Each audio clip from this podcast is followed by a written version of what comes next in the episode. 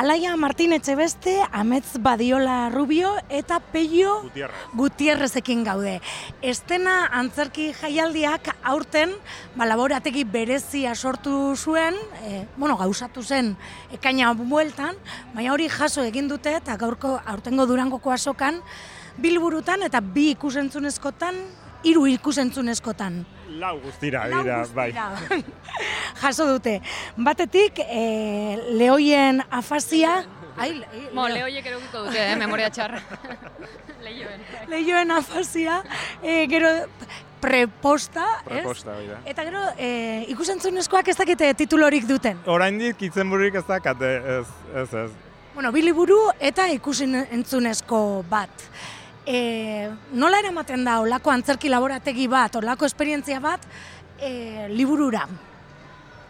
Ba, albezela, nik uste dela erantzunik benetazkoena, ba, oso gustura. E, askatasuna handia eman ziguten lanerako, eta nire kasuan erabaki nuen e, errealitate haiek, errealitate eta errealitate fikzinatu haiek oinarri bezala hartuz askatasun hori erabilita, ba, pixka bat garatzeko, gertatu zena, e, sortu ziren pertsona haiek, e, askotan e, aipatu ziren e, gertaera, iraganeko gertaera haiek pixka performatu eta beste ikuspegi batetik, e, personajea pixkat karikaturizatuta, garatuta, ba, bizi ematea beste kronika era batean, e, esango nuke poesia bidez egindako kronika direla gehienean. E, Kronika librea jartzen du liburuan.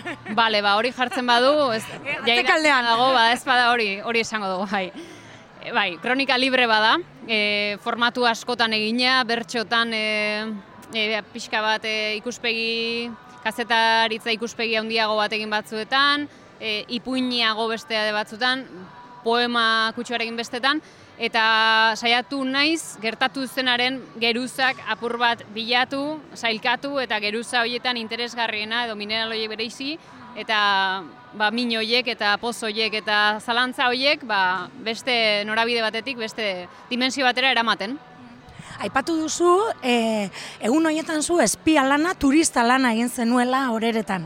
Bai, ondoko herrikoa naiz, oi hartzuarra naiz, hori eta asko maite dut, eta asko gustatzen zait, oso desberdina gaina e, oi hartzunekiko, eta aukera honek eman dite eskubidea eta egokiera turista begiekin bizitzeko, bizitza osoan ezagutu dudan herri bat, eta herri horren historiaz gogoratzeko eta berriz ere azalera ekartzeko. Orduan, ba, gozamena izan da oporretan ia hiru astez horretako kaletan ibiltzea.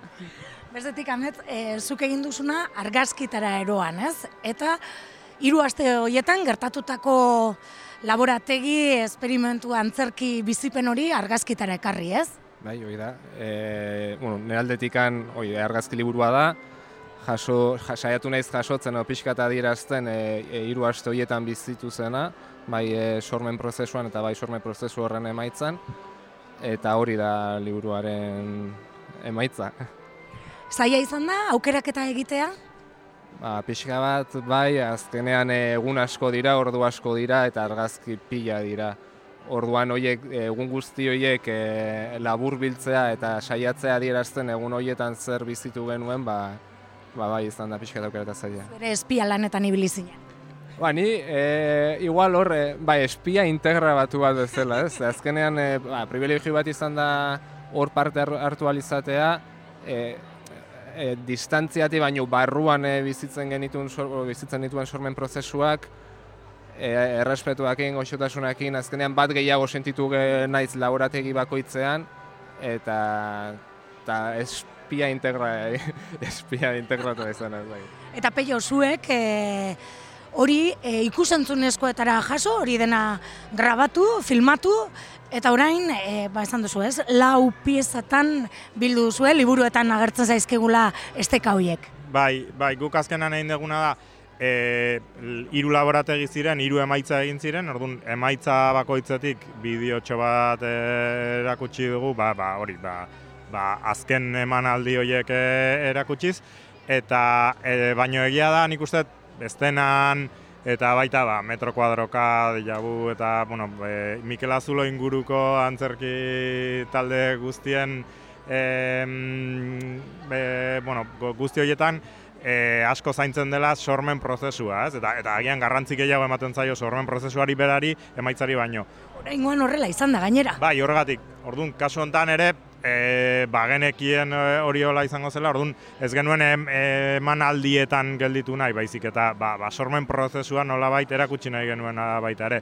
Orduan, horregatik, e, azken pieza badago, beste, beste bat, guk garrantzia gehiena ari eman dioguna, eta eta da sormen prozesu hori erakusten duen pieza bat. E, hori oraindik ez dago ikusgai, hori estrenoa egingo da Mikel Azulon e, abenduaren emeretzian. Eta hor, hor erakutsiko da lehen aldiz. Sormen prozesu hori. Bai, bai. Sormen prozesua ilustratzen duen e, dokumental bat, edo, bai. Ez liburuak dira, ez, e, dinot? Bai, esan bai.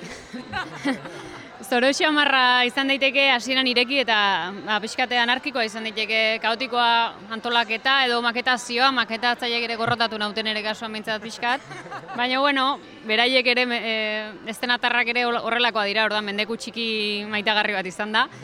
Eta bai, ba, pixka bat oso bizia, oso anitza, oso desberdina, oso kalekoa, oso barrukoa, oso barrurakoa, oso kanporakoa izan da, orduan liburua ere pixka bat horrelakoa da. Hola izan zen ere, ez? Aurtengo estena, ez? E, proposamen berezia egin zutelako. Bai, e, lehenengo aldiz egiten zituzten hiru laborategi. Gaina oso laborategi, bon, nire ustez da distantziatik oso desberdinak izan dira hiruak, sormen prozesu e, lehen esan bezala, aukegu privilegio hori bizitzeko barrutikan, eta oso sormen e, prozesu desberdinak izan dira, ba, familiana, e, espena eta metrokadrokana eta guztiak izan dira oso aberazgarriak, guztiak izan dira desberdinak, eta guztiak izan dira... Eh. Liburu hauek eta ikusentzunezkoak jasoko dute, bertan egon ez, ezin izan genuenak bizi izateko ere bestera batean e, gertatu zena estenan? Ez. Hain zuzen gertatu zenaren nola baiteko balioa mudu batean hortan zegoen, ez? Prozesu hori errepikazina izango zen, eta emanaldi horiek ere, kasuako izan iruko iztutak horiek, errepikazina dira ez, lehen e, peiokera ipatu den bezala, baina beste begira batekin, ba, beste perspektiba batetik begiratuk, beste kale iskina batetik begiratuta gertatu zena ikusteko aukera emango dute. Eta izango du ordukotik, izango du gugandik, eta izango du pasaden denboratik, eta baina, bueno, uste dut, ideia orokor bat egiteko bai, balio lezaketela Peiok aurkezpenean ezaten zuen, bai e, irudiak eta argazkiak errezagoa dutela ez, gertatutakoa jasotzean, naiz eta, bueno, argazkilari eta editorearen e, eskua ere badagoen, ez? Agian, zailtasun handiena zure izan da, hitzetara eramatea? Dakit, eh?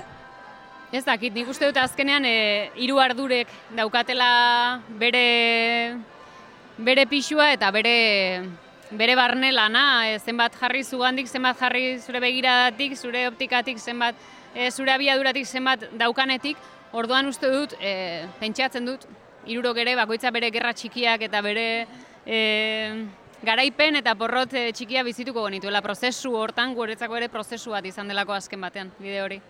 Bueno, ba, Durangoko azokan, Euska, e, EAZ, Euskal Herriko Antzerkizale elkarteko estanean topatu izango dira liburuak, eta bertan, estekak, ez, ikusentzunezkoak ikusteko. Bai, hori da, hori da. Ba, eskerrik asko iruroi. Eskerrik asko zuei.